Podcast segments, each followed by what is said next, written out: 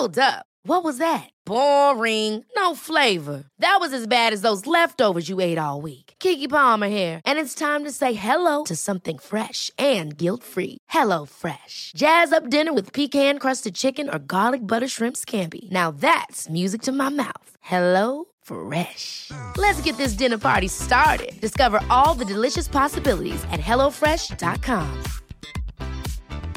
Hey, it's Ryan Reynolds, and I'm here with Keith, co star of my upcoming film, If, only in theaters, May 17th. Do you want to tell people the big news? All right, I'll do. Sign up now and you'll get unlimited for $15 a month in six months of Paramount Plus Essential Plan on us. Mintmobile.com slash switch. Upfront payment of $45 equivalent to $15 per month. Unlimited over 40 gigabytes per month. Face lower speeds. Videos at 480p. Active Mint customers by 531.24 get six months of Paramount Plus Essential Plan. Auto renews after six months. Offer ends May 31st, 2024. Separate Paramount Plus registration required. Terms and conditions apply if rated PG. Ni lyssnar på Bagge och Brobacke podcast. I 30 minuter varje vecka kommer vi ge vår syn på marknaden med fokus på pris, makro och sentiment. Välkomna! Då var det dags att sparka igång avsnitt 27 av vår podcast Bagge och Brobacke podcast närmare bestämt. Det är den 27 oktober. Vi sitter här 10.30 och eh, börjar spela in. Välkommen David! Tack! Hur står det till med dig? Jättebra. Det var lite regnig på vojen hit, men i övrigt är det kanon. Ja. Full, full rulle på samtliga plan. Det är kul att vara småbarnsförälder i oktober. Det är mycket, mycket grejer som härjar på förskolan så här års. Eh, Men annars så eh, förvaltningsmässigt tog det på riktigt fint, så att, ja, det är kul. Ja, vad roligt. Vi ser väl en, en fortsatt risk on trade, i alla fall sedan förra veckan. Eh, Vi kommer väl komma in och, och, och dissekera allt från eh, aktier till råvaror, räntevalutor här. Men först tänkte jag att eh, eh, låta dig inleda faktiskt. Yes. Um, liten recap från förra veckan då. Ehm, och den kommer ju syfta kring rapportperioden eftersom vi är mitt uppe i Q3-rapporterna. Um, ehm, även om vi har en bit kvar i USA, men tills, för svensk del går de ju faktiskt mo, mer eller mindre mot sitt slut här till helgen och höstlovet, i alla fall på den eh, stora listan. Då. Uh, tittar vi på uh, kvartalsrapporterna så här långt så kan man väl slå fast att det är som vanligt varit väldigt stora slag mellan bolag och mellan sektorer. Bankerna generellt, eh, även eh, både svenska, europeiska och amerikanska, har ju kommit med riktigt fina bit och fått eh, bra betalt i, i de absolut flesta fall på sina rapporter. Eh, tittar vi totalt sett Ehm, så har ju amerikanska bolag, de är väldigt, ofta väldigt duktiga på att massera ner analytikernas förväntan och sen komma in med, med bra bit. Eh, så även detta kvartal då. Eh, 81 procent av bolagen som hittills har rapporterat har slagit på EPS eh, mot konsensus då. Och det brukar ligga, snittet på de senaste två åren har varit Eh, 76 procent av bolagen har slagit oss, så att lite bättre där. Eh, vinsttillväxten snittat 46 procent mot förra året, väntat var 23 på konsensus. Eh, så även där då. Och bolag som har slagit förväntningarna har också generellt outperformat marknaden eh, som sin helhet på rapporterna.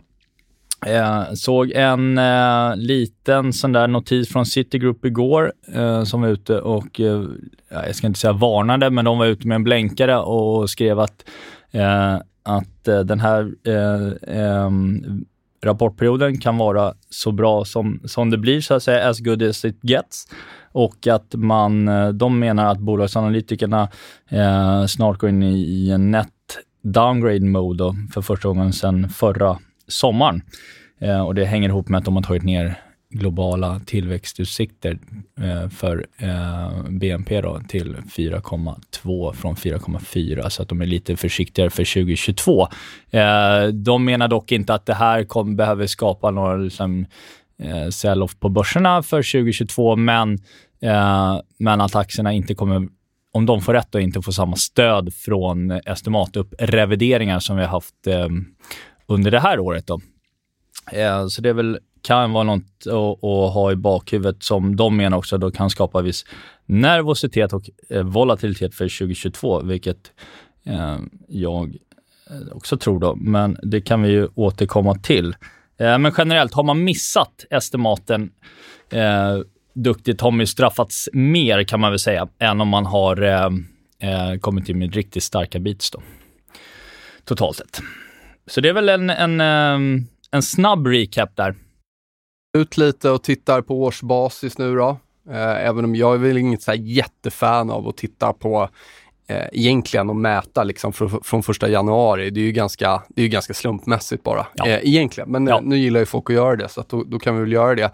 Eh, och vilken är den bäst presterande sektorn i år? Upp 61 procent. Eh, XLE, brun energi. Vad har vi som nummer två? XLF, finans, upp 41 procent. Eh, så får vi, om vi tittar neråt, så bara få en, en liksom fingervisning. Hittar vi OMX runt 23 och, och Nasdaq runt 22 då. Så vi ser ju fortsatt klara outperformance av, av eh, både bank och, och, och framförallt eh, energi då, eller ska säga både bank och energi. Och det där kan vi också se egentligen om vi blickar ut i världen och tittar på vilka index som handlar starkt. Eh, vi ser de länderna som är råvarutunga, som är energitunga och de som är banktunga eh, handlas fortsatt starkt. Vi ser flera exempel. Eh, vi kan ta liksom, eh, Ryssland, vi kan ta Indien, Singapore, eh, Kanada. Vi, vi hittar massa liksom, eh, index, om man tittar på landbasis, då, som, som vi, ser, vi ser samma tecken. Eh, och ska vi ta lite kortsiktigare då så började ju jag köpa en hel del saker här för ett par veckor sedan. Eh, eh, andra veckan i oktober där och kan vi se att det börjar, eh, börjar handlas på. Det har ju egentligen gått, gått rätt starkt också sen, sen, eh, eh förlåt, sen 14 oktober. Då. Så att Transports är väl upp en, eh, över 6% sen dess. Finans fortsätter att tagga 5 Brun energi 4, olja upp 3. TAN, eh, midcaps, eh, Tyskland, Eurostox. Eh, det är egentligen som inte har funkat som stått ut, det är egentligen Brasilien av det jag köpt. Men i princip allting annat så eh, handlas på bra uppåt här då. Så att vi ser väl en, eh, vi, vi, vi, vi har ju inte brutit ut på alla ställen utan det är väl, det är väl flera kontrakt som liksom eh, testar toppar men vi ser klara utbryt också eh, i, i mycket då. Mm. Eh, något annat att lägga till, vi gillar ju att prata räntor, eh, så kan vi se att, att räntemarknaden, både om man tittar på den absolut men även relativt, fortsätter att prisa in högre räntor eh, och risk-on och framförallt för value-traden då. Så vi ser high yield stärkas mot eh, IF-bonds, 7 och 10-åringar. Vi ser TIPS, alltså inflationsskyddade bonds, stärkas mot, mot IF. Eh, vi, vi, vi ser eh, sektorer som till exempel consumer staples som tenderar att vara en defensiv sektor som, som eh, fortsätter att tappa relativt mot S&P 500. Eh, vi ser samma sak i, i TLT, bonds mot small cap och så vidare. Så mycket av det där som, som jag tittar på relativt fortsätter att indikera en, en positiv trend eller ett, ett risk-on-klimat. Då. Säsongsmönster kan väl vara lite intressant att prata om. Ja, det tycker jag. Mm. Eh, jag såg, det plingade till på telefonen, min nya krönika på Omni Ekonomi kom precis ut, som har titeln “Aktier är en vintersport, men i år blev det tjuvstart”. Jag vet att vi kanske inte riktigt håller med varandra där, men jag tycker så här, att vi, har, vi är eh, på tre veckor nu är eh, breda OMX upp 8,5% Vi har eh, S&P upp 6 eh, Nasdaq upp, Nasdaq 100 upp 8,5 eh, Russell upp 6 eh, och jag tycker att ehm, det är otroligt kul för, för, eh, liksom, för oss eh, båda som adderade mycket risk där nere i, i, i mitten av oktober på, på nedstället. Eh, och vi köpte ju mängder med derivat och köpoptioner, eh, så jag har fått otroligt bra betalt. Eh, men jag tycker att eh, efter en så här stark uppgång på så kort tid eh, så tycker jag att man kan börja vara lite försiktig i det korta eh, perspektivet. Och när vi pratar kort perspektiv här så är det liksom typ en vecka, något sånt. Eh, sen tror jag fortfarande att vi ska, vi har inga ne negativa divergenser i, i, i USA så i daily-perspektivet och inte i Europa heller för den delen. Eh, så att det vi bör se, det är någon form av paus eller rekyl här, några procent, eller att det bara stannar av i tid. Och sen en, en högre högsta i mitten av november. Då. Sen kan det bli, sen tror jag faktiskt att eh, mitten av november skulle kunna utgöra en lite viktigare topp för, för året. Men, men troligtvis så är det väl, det blir väl ett sånt år där, där, eh, där det stänger väldigt starkt sen i slutet av december igen. Känns lite så nu. Om vi tar OMX konkret för att få liksom lite, lite nivåer på den rörelsen du ser. Så du, Mm. bör, du, du har börjat ta in lite hedgar där på kort sikt in mot nästa vecka, eller? Ja, alltså vi, vi, vi köpte ju väldigt, som sagt, vi köpte mycket derivat och ökade risken generellt för ett par veckor sedan.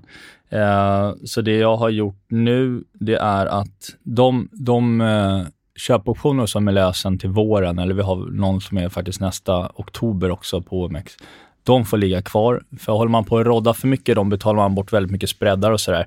Och ser man liksom en 2-3% på nedsidan så är det liksom ingen större idé att hålla på och pilla med dem. Liksom. Eh, de får ligga kvar, men däremot så, så gjorde jag i, i fredags och igår då, i fredags var en stark dag och igår var en stark dag, eh, så skalade jag eh, bland i rena aktiepositioner. Då. Eh, skalade av eh, 30% och eh, hedgade upp en del med, eh, med sådana här bärkontrakt. Då. Och det är egentligen, eh, det är ju lite också för att försvara årets, jag menar vi är upp 19% netto i förvaltningen, eh, väldigt låg volatilitet. Det är lite att försvara årets performance också. Om, om det nu skulle vara så att nu är det väldigt välankrat att Fed liksom ska inleda tapering så här på onsdag, eller annonsera om det på onsdag vid FOMC-mötet. Men skulle de vara väldigt tråkigt, skulle det komma ut någonting, ja då kan ju samtidigt då som varmluften från rapporterna börjar ebba ut, alltså det, det skulle kunna bli, det, det är klart det kan bli en, en större rörelse på nedsidan om, om, om det vill sig så. Va? Så, att Så- Det, det är mer lite försiktighetstänk här på kort sikt. Är det OMX om vi pratar nivåer, typ 2300, topparna från april, är det något sånt du ser? Ja, eller tror du att vi kan ta oss hela vägen ner till 2200? Nej, eller vad? nej, det tror jag inte. inte 2000, nej, men då är det något annat. 2200. Så långt ska vi inte ner. Nej. Det är snarare 2-3, något sånt. Alltså det, vi snackar som 2-3 procent. Mm. Jag, tror inte, jag tror inte att det blir mer än så. Och sen att vi ska upp mot typ, kanske typ 2-4 eller något i, i mitten av november. Just det. Och Men dina, att- men dina liksom- top targets var runt 2,5, 2,6 eller? Ja, 25-50 någonting till vintern här. 24-75, 25-50. Mm. Ehm, och S&P 4,8 mot 5000. Och Stocks 50 ligger kvar på 4,5 då. Att- det, det, Ja, vi det- får, vi får se. Men jag tror att det, jag tror Q4 blir liksom en... Det är klart, i den bästa av världar så blir det bara mältapparat härifrån fram till nyår och då kommer liksom exempelvis eh, köpoptionerna liksom eh, mer eller mindre explodera i värde liksom, eh, som vi äger. Men, men, men jag tror att eh, Q4 blir liksom, lite mer volatil. Då. Om vi ska följa det här, hur det här året har varit, eller i alla fall man säger, senare delen av året, så låter ju ditt, ditt scenario ändå ganska troligt att, för vi har haft ändå en hel del svängningar liksom ner i konsolideringarna och Mm. sådär. Eh, Om, vi, om jag tittar på eh, säsongsmönstret och det som gör mig eh, eh, det, jag, gillar ju att titta på säsongsmönster. Jag tycker de starkaste signalerna, det får man eh, när säsongsmönstret avviker från det historiska. Mm. Eh, och precis som förra året, från egentligen sommaren då fram till slutet av oktober så handlades risktillgångar ändå relativt starkt. De handlades inte svagt. Vissa saker var till och med upp under den perioden och tittar vi i år så har det sett ut så. Eh, olja, vi har andra saker som exempel på, eh, på, på liksom risk-on trade som absolut inte har packat ihop utan snarare gjort det motsatta. Mm. Och det där säger mig att om vi kommer från en his- historiskt dålig period eh, där ändå saker som är riskfyllda eller tenderar att stiga i när, när riskviljan är stor, det, gör, det får mig att tro att när vi nu kommer in i den här positiva eller den bra perioden historiskt då, så kan det här gå eh, betydligt snabbare eh, än vad många tror. Då. Mm. Och framförallt om du ska få den här performance-chasen Mm. från, från många eh, förvaltare. Då. Ehm, Ja, och där, ska vi, där måste vi också flika in att eh, liksom blackout-perioden för buybacks i USA, som i mitten av oktober låg på 80% av bolagen inför, inför eh, rapport, eh, Q3-rapporterna. Den är ju nu på fredag är nere på 25% Så att eh, bolagen eh, kommer ju börja öka upp sina buybacks duktigt igen här nu eh, från slutet av oktober, eller, eller ja, har redan börjat också för den delen då senaste två veckorna. Men, men den, den kommer ju, eh, alla bolag kommer ju kunna köra buybacks sen från eh, mitten av eh, november. Och det där brukar ju vara som generellt sett, buybacks i USA är ju generellt sett ganska stödjande för, för, för, för börsen som helhet och har ju varit under många, många år. Så det är väl också att, eh, något att ha i, i beaktning att vi kommer in i den perioden. Eh, jag, jag bara menar att har vi liksom fått 8% upp på tre veckor så skulle jag tro att eh, mätt från mitten av oktober så skulle jag tro att vi har haft den, den bästa delen av uppgången för Q4 tror jag är tagen. Eh, mm. Jag tror inte att det går liksom 8% rakt härifrån fram till nyår. Eh, men att man absolut kan jobba, i, jobba in 8 i, i, om man är lite taktisk här under, under kommande liksom, eh, veckor. Det är inte så många, det är inte så många börsdagar kvar på året. Nej. Jag vet inte hur många det kan vara. Är det 55-50 dagar eller något? Det är inte så jättemycket börsdagar kvar. Hiring for your small business? If you're not looking for professionals on LinkedIn, you're looking in the wrong place. That's like looking for your car keys in a fish tank. LinkedIn helps you hire professionals you can't find anywhere else, even those who aren't actively searching for a new job but might be open to the perfect role. In a given month, over 70% of LinkedIn users don't even visit other leading job sites. So start looking in the right place. With LinkedIn, you can hire professionals like a professional. Post your free job on linkedin.com slash achieve today. Ever catch yourself eating the same flavorless dinner three days in a row? Dreaming of something better? Well, HelloFresh is your guilt-free dream come true, baby. It's me, Gigi Palmer. Let's wake up those taste buds with hot, juicy pecan-crusted chicken or garlic butter shrimp scampi. Mm. Hello Fresh. Stop dreaming of all the delicious possibilities and dig in at HelloFresh.com. Let's get this dinner party started.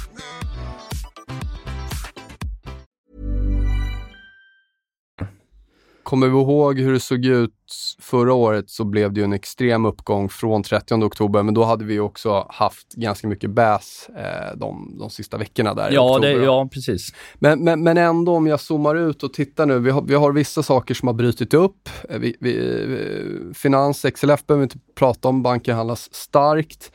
Eh, energi har vi också pratat om. Jag kan ta några andra exempel som jag ändå tycker är, har svårt att tolka som negativa. Mm. Italienska börsen, Milano-börsen, har brutit upp över liksom ett, ett 12-årigt motstånd. En, en, en graf som jag pratat om här och på Twitter tidigare. Och, eh, otroligt svårt att se liksom att, att när Italien lämnar en, en 12 års sidledeshandel bakom sig, att det skulle tolkas som, som negativt. Mm. Eh, du kan ta och titta på Eurostox, eh, en, eh, ett kontrakt som jag äger och vi har studsat ganska perfekt på den där 4000. Mm. Och ha, testa verkligen nu tidigare topparna så samma sak där, många, många år av, av range och sidled som först nu börjar liksom släppa på uppsidan. Mm. Eh, vi kan hitta, hitta lite andra exempel eh, och titta till exempel på eh, Transports som är på väg upp och har studsat ganska eh, perfekt på de, på de stöden som, som, eh, som, som jag har tittat på. Då. Eh, och du kan ta Australien, studsade väldigt bra på 2020-toppen. Eh, då, då många utav de här kontrakten som, som man har velat se att de visar styrka vid de tidigare motstånden mm, som nu har mm. börjat agera stöd. Mm, de har mm. gjort det. Mm. Eh, Industrials eh, kan vi ju ta upp. Den är lite intressant. Det var väl en av de sakerna som, som jag tyckte sett liksom mest negativ ut, eller framförallt har varit viktigt att den, mm. den höll ihop och den studsade ganska perfekt där eh, här i oktober. Nu är vi över delen av rangen. Eh, och där skulle man, precis som att XLF Finans och XLE Energi har brutit upp, så skulle man vilja se att Industrials och även Materials, XLB, eh, även bryter upp över sina tidigare toppar. Eh, nu fick vi in lite sälj igår här, runt 105-106 där. Mm. det, där är, det där är den enda blankningen jag har kvar i boken då. just för att skydda all annan lång exponering. Mm. Men jag tror att får vi nu en liten nedgång här, men fortfarande försvarar 100 i det kontraktet, då, då är det eh, då ser det bra ut. Mm. Eh, dock inte säker på att den kommer. Vi skulle, om, om vi ska nu göra det som, som du sa för ett par veckor sedan här, eller har sagt länge att pain-traden är uppåt. Mm. Skulle vi göra det riktigt jobbigt nu för, för, för blankare så skär vi bara rakt igenom 106 på uppsidan. Nej, så är det. Nej, absolut. Ehm, så, den, så, så, så det är egentligen, den blankningen kommer jag sälja givet att ett, vi börjar ta oss upp över den här toppnivån. Alternativt två, om den här lilla rekylen som påbörjades igår fortsätter ner men stannar upp över 100 eh, Mm. så kommer jag skicka ut den då. Ehm, så det, det, det, tycker jag, jag tycker liksom ändå att vi, vi har bevisen. Det är rätt intressant för det här, jag, det är lite av en segbull det här. Mm. Eh, bevisen har kommit med jämna mellanrum. Först har vi sett förbättringar i räntor och sen har vi sett det i råvaror och det har liksom hoppat mellan sektorerna och nu, nu tycker jag att även eh, rena aktiesektorer börjar se eh, riktigt, riktigt sugna ut på att bryta upp. Vi kan ta eh, VEU som är världen minus USA. Har ju handlats i sidled sedan i eh, april egentligen och eh, försöker att bryta upp mot nya högsta där. Eh, det som eh, ser lite svettigare ut faktiskt idag när jag kollar, det är att koppar börjar komma ner lite. Eh, vi är ju fortfarande inne i den stora rangen, men jag tror ändå att koppar ska man nog hålla koll på. Det vore ingen bra eh, utveckling om, eh, om koppan liksom kommer ner och tar sig under eh, under de här bottnarna från, från tidigare i höstas. Då. Vi är ju inte där ännu, vi handlas ju fortfarande vid 2011-toppen 451 men skulle vi se att så, koppar säljer av härifrån och, och eh, kanske med det att du får en, en vändning i andra råvaror också, det skulle ju vara eh, lite av ett, en, eh, en negativ signal. Men jag tycker fortfarande att den, den, eh, den har förutsättningar för att bryta upp. Ja, och den pratade vi om förra veckan att vi skulle ha en rekyl i. Nu kanske den har blivit lite större än vad man trodde i och för sig, men jag tror nog att den, alltså, den ska väl upp över, över 11 000, 11, 11 2, 11 3 någonting fram i, i vintern här.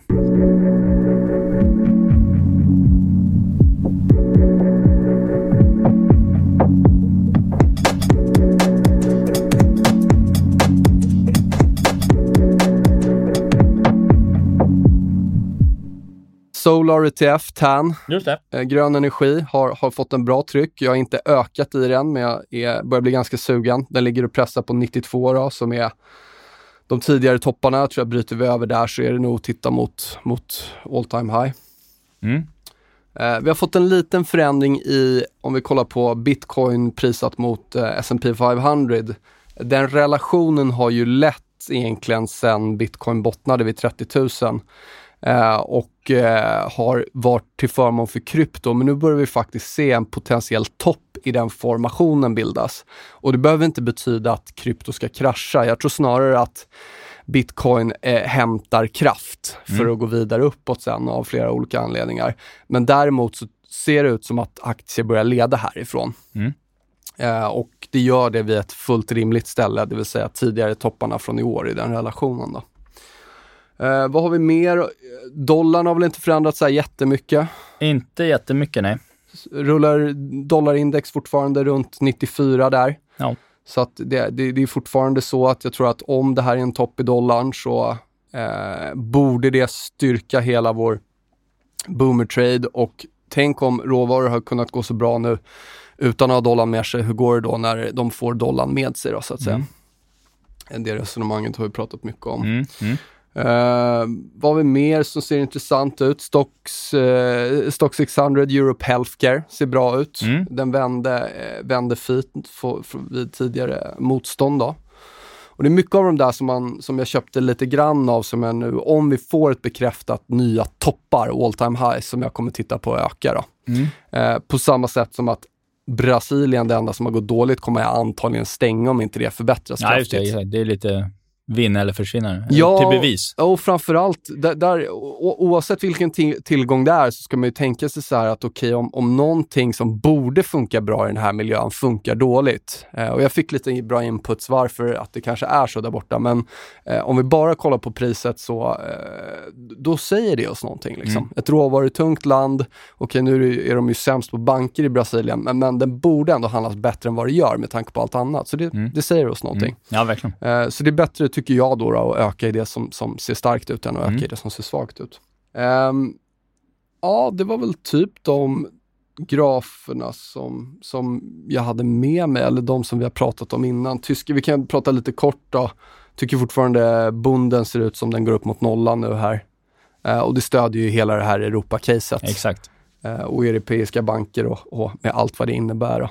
Ja, de ligger, vi ligger kvar i europeiska banker, vi ligger kvar i Europaexponering generellt via optioner. Vi ligger kvar i våra räntekontrakt också, då, både amerikanska tioåringen och eh, tyska. Eh, de har vi inte varit inne och pillat i. Femåringen gör nya högsta. Uppe på 1,2 nu. Så mm. verkligen lämnat 1% bakom sig. Mm. Så att nej, det är, väl, eh, det är väl fortsatt räntor upp som det ser ut som. Eh, och det är ju inte ett svaghetstecken för aktier. I alla fall inte för de aktierna som, som vi vill äga. Nej, men, och jag tycker, jag tycker generellt att den här strategin, om man nu har möjlighet att handla liksom derivatoptioner och så här, så att, att, att den som vi har gjort senaste dagarna och plockat ner en del delta 1-exponering, det vill säga rena, rena aktier och rida kvar i köpoptioner, det är en sån klassisk hedgefondstrategi. Eh, för det, det, då kommer man, dels så har man ju betydligt större chans att försvara årets performance för att man inte tappar så mycket i, i, aktie, i aktiebenet. Samtidigt som att man väldigt enkelt, kan, väldigt snabbt kan komma in i, i, i marknaden igen då med, med, med sin kassa. Eh, och om marknaden faller, då är man glad att man drar ner exponeringen. Och drar det rakt vidare, ja, då kommer ju liksom options delen av portföljen må otroligt bra, så man kommer inte tappa sig jättemycket på, på uppsidan ändå, eftersom deltat i köpoptioner också ökar när, när, när man närmar sig strike eller går, går, går igenom strikarna. Um, ehm, så att den, den, en sån strategi tycker jag ändå på de här eh, nivåerna, när vi har gått så pass snabbt sista veckorna, eh, tycker jag är liksom tilltalande för vårt sätt att handla i alla fall. Um, det man kan göra, man kan titta på, för VIXen har ju kommit ner duktigt. Vi har ju sett en krasch i VIXen ner liksom mot 15 var vi tidigare i veckan. Eh, det började ju komma under corona, ja. innan corona drog igång. Liksom. Ja, så att jag menar köpoptioner generellt har ju eh, blivit eh, relativt billigare också mot vad det var. Vi låg ju väldigt länge runt liksom, eh, mellan 20 och 25 under det här året. Så att Prissättningen har ju bli, kommit ner. Eh, SKEW, alltså eh, säljoptioner i förhållande till köpoptioner, har faktiskt kommit ner en del också. Så att det man kan göra om man liksom inte vill hålla på och trixa med liksom aktieexponering, men tycker ändå att det har gått ganska långt, eh, vilket jag vet att en del tycker, även om du och jag är fortsatt positiva på marknaden, så är det inte alla som är det eh, där ute, så har ju faktiskt även säljoptioner blivit relativt billigare än vad de var i alla fall för ett par månader sedan. Då. Och tittar man på typ så här putspread eller någonting, att man liksom säljer en ganska out of the money putt och köper en in the money putt så eh, behöver inte det kosta skjortan mot vad det gjorde för ett par månader sedan heller. Då. Så det finns, lite, det finns en hel del optionsstrategier att kolla på där ute i marknaden. Um, som eh, vi inte ska gå igenom mer här, men som vi har gått igenom en del med, med Carl Björkegren i somras och som eh, det finns att läsa på om på nätet, inte minst med Karls eh, stora kunskapsbank. Han, han har även en egen podd, vill vi minnas. Just det. Eh, jag tänkte, ska man eh, kolla en del på inflöden? Eh, och jag tycker det är liksom intressant eh, att se till inte, man behöver liksom inte vara contrarian mot inflöden, men jag tycker man kan ge en bild av hur inflöden i aktiemarknaden sett ut. Och eh, tittar vi till de senaste fyra veckornas inflöden i aktiemarknaden då, eh, så är det en ingång eller en inflöde på globala aktier på 25 eh, miljarder dollar. Eh, och Eh, Eh, det ger, eh, nej förlåt, det var förra veckan 25. Totalt sett på senaste fyra veckorna är 58 miljarder dollar, eh, varav korträntefonder har sett, sett utflöden. Då. Och den senaste 51 veckorna, då är vi inne precis innan då den här vaccinnyheten i, i början av november förra året, så har vi haft en triljon dollar in i aktiefonder globalt. Och det är den eh, bästa 51 veckors perioden någonsin. Tidigare rekord var 250 miljarder dollar, men nu är man uppe på en triljon dollar. Så mycket inflöden i aktier har vi alltså aldrig sett. Det är alltså en kross mot det tidigare rekordet med en faktor på fyra. Uh, så Goldman Sachs var ute i, uh, i måndags och skrev att de trodde inflödet till aktier kommer accelerera aggressivt på uppsidan i november och räknar med 18 miljarder dollar av inflöden varje dag den här veckan som vi spelar in nu då. Så är man blankare nu så är det, det de flödena man går emot. Ja, det är alltså från, eftersom VIXen har ju droppat duktigt så har vi hela liksom CTAs-komplexet som ökar på Risk aktieexponeringen. parity, allt det där. Exakt. Och det faktum då att buybacksen också nu kommer tillbaka i USA då, kommer också driva flöden från, från corporate-sidan in, in i börsen då. Eh, så att... ehm, There is not enough stocks. Nej, exakt. Det är väl lite så. Ehm, däremot då så eh, såg jag i eh, fredags att uh, JP Morgan Prime Brokerage, alltså hedgefondservicen på JP Morgan, eh, eh, var ute och sa att hedgefonderna deras hedgefondskunder mer eller mindre är helt all in nu. Både gross exposure och net exposure är uppe på 100% percentilen Och jämfört med eh, om man tittar tillbaka då historiskt 45 månader så ligger de, har de aldrig varit så här. Och, och det kan vi säga är, är ju också fullt naturligt eftersom att många saker handlas nära all time high. Nej, men och, så är det och, och, den, de, de här typerna av förvaltare, killar, tjejer som sitter och rattar det här tenderar ju att vara all in vid nya högsta. Ja, och, Eh, för att ju... trender tenderar att fortsätta. Så att det, och det gäller ju CTI-komplexet och så vidare också. Då, så att, Exakt, men, men som sagt, det, det, jag tror ju liksom tidigare att vi närmar oss en viktigare topp i vårvinter här, men, men det kan vi komma tillbaka till när det, när det lider. Eh, ska man säga något om Kina, emerging markets? Mm. Jag tycker väl att om jag bara kollar prismässigt på EM-kontraktet som jag fortfarande inte äger men som jag gärna köper. Mm. Eh, rimligtvis då, då kanske om man säljer ut Brasilien och lägger sig i EM istället vore det, vore det ganska rimligt. Eh, tycker att den har studsat bra på 50 igen. Mm. Och varför var 50 viktig? Jo, tidigare motstånd från 2018 som nu börjar agera stöd. Eh, och det tar vi oss upp över, över eh, eh ja egentligen, alltså det, jag, jag, jag tror vi kommer se Givet att något väldigt, inte väldigt konstigt händer så är, ska vi nog se nya all time highs i det där kontraktet Mm. inom inte allt för länge tycker jag. Och eh, underliggande då Kina har du bättre koll på men det har väl hänt saker där får man väl säga. Ja, kursmässigt kanske inte sen senaste veckan har det, det har ju faktiskt varit en konsolidering mer eller mindre i Kina sista, sista veckan eh, helt och hållet. Men HSBC var ju ute i tisdags den här veckan då och eh, uppgraderade kinesiska aktier till övervikt. Eh, vilket, eh, de, eh, vilket kan vara, bli stödjande för, för regionen. Och eh, PBOC då var ju ute i, eh, eller de senaste dagarna, men, men eh, och injicerade ganska kraftigt i, i systemet. Och det har vi varit inne på under, i podden här under, under sensommaren och början på hösten att efter då de här tio månaders med minskad stimulanser i det kinesiska banksystemet så borde PBOC någon gång under Q4 vända kappan och det har man nu gjort. Eh, igår så injicerades 30 miljarder dollar in i systemet då. och eh, om man ska extrapolera den siffran men det ska man väl inte göra. Men om man gör det så är det motsvarande 150 miljarder dollar per vecka då som man injicerar. Och Fed ligger som ni vet på 125 miljarder dollar per månad.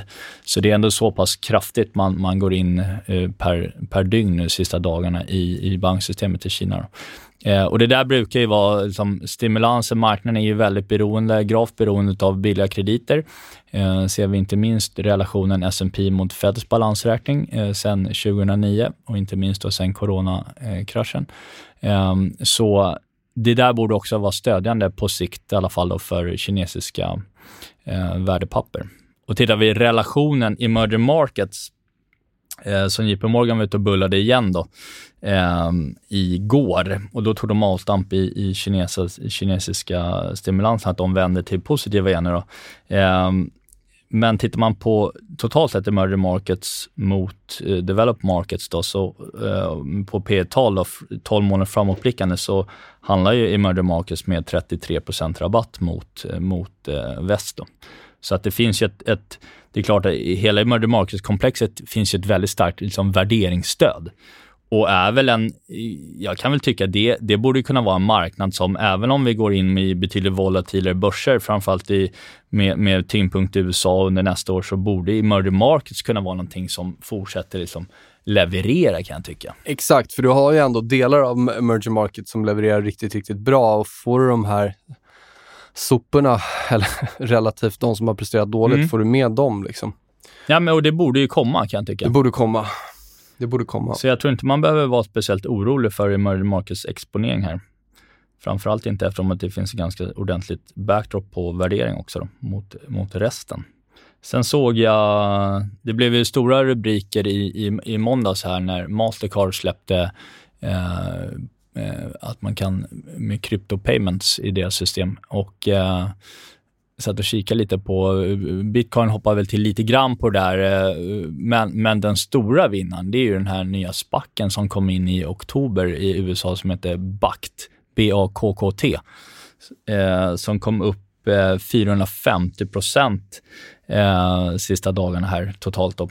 Eh, och de har ju då en deal med Mastercard och eh, Fiserv på att erbjuda själva kryptolösningen i deras betalningssystem. Då. Så det var ju den absolut st största vinnaren. Nu var den aktien ner 25% igår efter de här brutala uppgångarna, då, men, men där har vi ju veckans vinnare på, på, inom, inom kryptokomplexet kan man ju säga.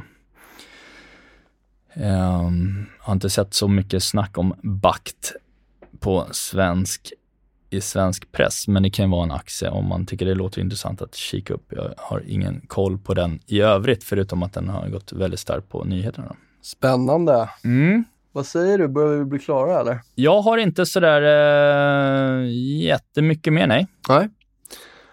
Nej, men då, då syr vi väl ihop påsen då. Jag kommer köra EFN imorgon. Ja, trevligt. Så kika in där om ni är intresserade. Ja, eh, kul. Annars så Annars så har vi inte så mycket mer frågor och funderingar. Vi kan inte höra av er. Tack för att ni fortsätter lyssna och kommentera. Det är alltid kul, det uppskattar vi. Ehm, och eh, ja, det finns väl, vi behöver inte prata för mycket om det, men det, det, är väl, det har varit ett par exempel här senaste tiden som visar att uh, saker och ting kan gå betydligt längre på uppsidan än vad man tror, men det kan också gå betydligt längre på nedsidan än vad man tror. och det, det, ska man nog ha i åtanke. Ehm, för att man kan ha 99 vinnaraffärer om man låter den där hundrade torsken bli för stor. Då slår det hårt. Ja, visst är det så. Nej, som alltid kontrollera risken. Tänk på det. Okej då, men du, nu räcker det med, med förnuftiga eh, ord här. Nu tackar för idag. vi för oss. För åter, idag. Åter nästa vecka. Ta hand om er. Vi hörs. Jättebra. Tack ska ni ha. Hej då.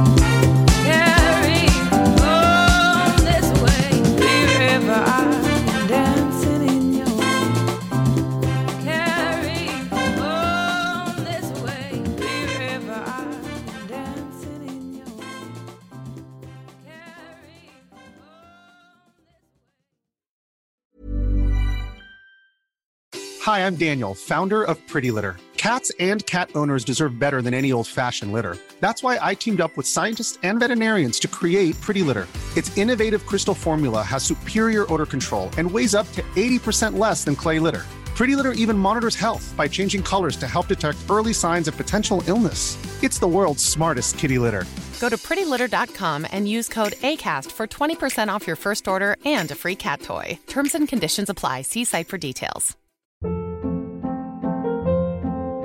Hold up. What was that? Boring. No flavor. That was as bad as those leftovers you ate all week. Kiki Palmer here, and it's time to say hello to something fresh and guilt-free. Hello Fresh. Jazz up dinner with pecan-crusted chicken or garlic butter shrimp scampi. Now that's music to my mouth. Hello Fresh. Let's get this dinner party started. Discover all the delicious possibilities at hellofresh.com.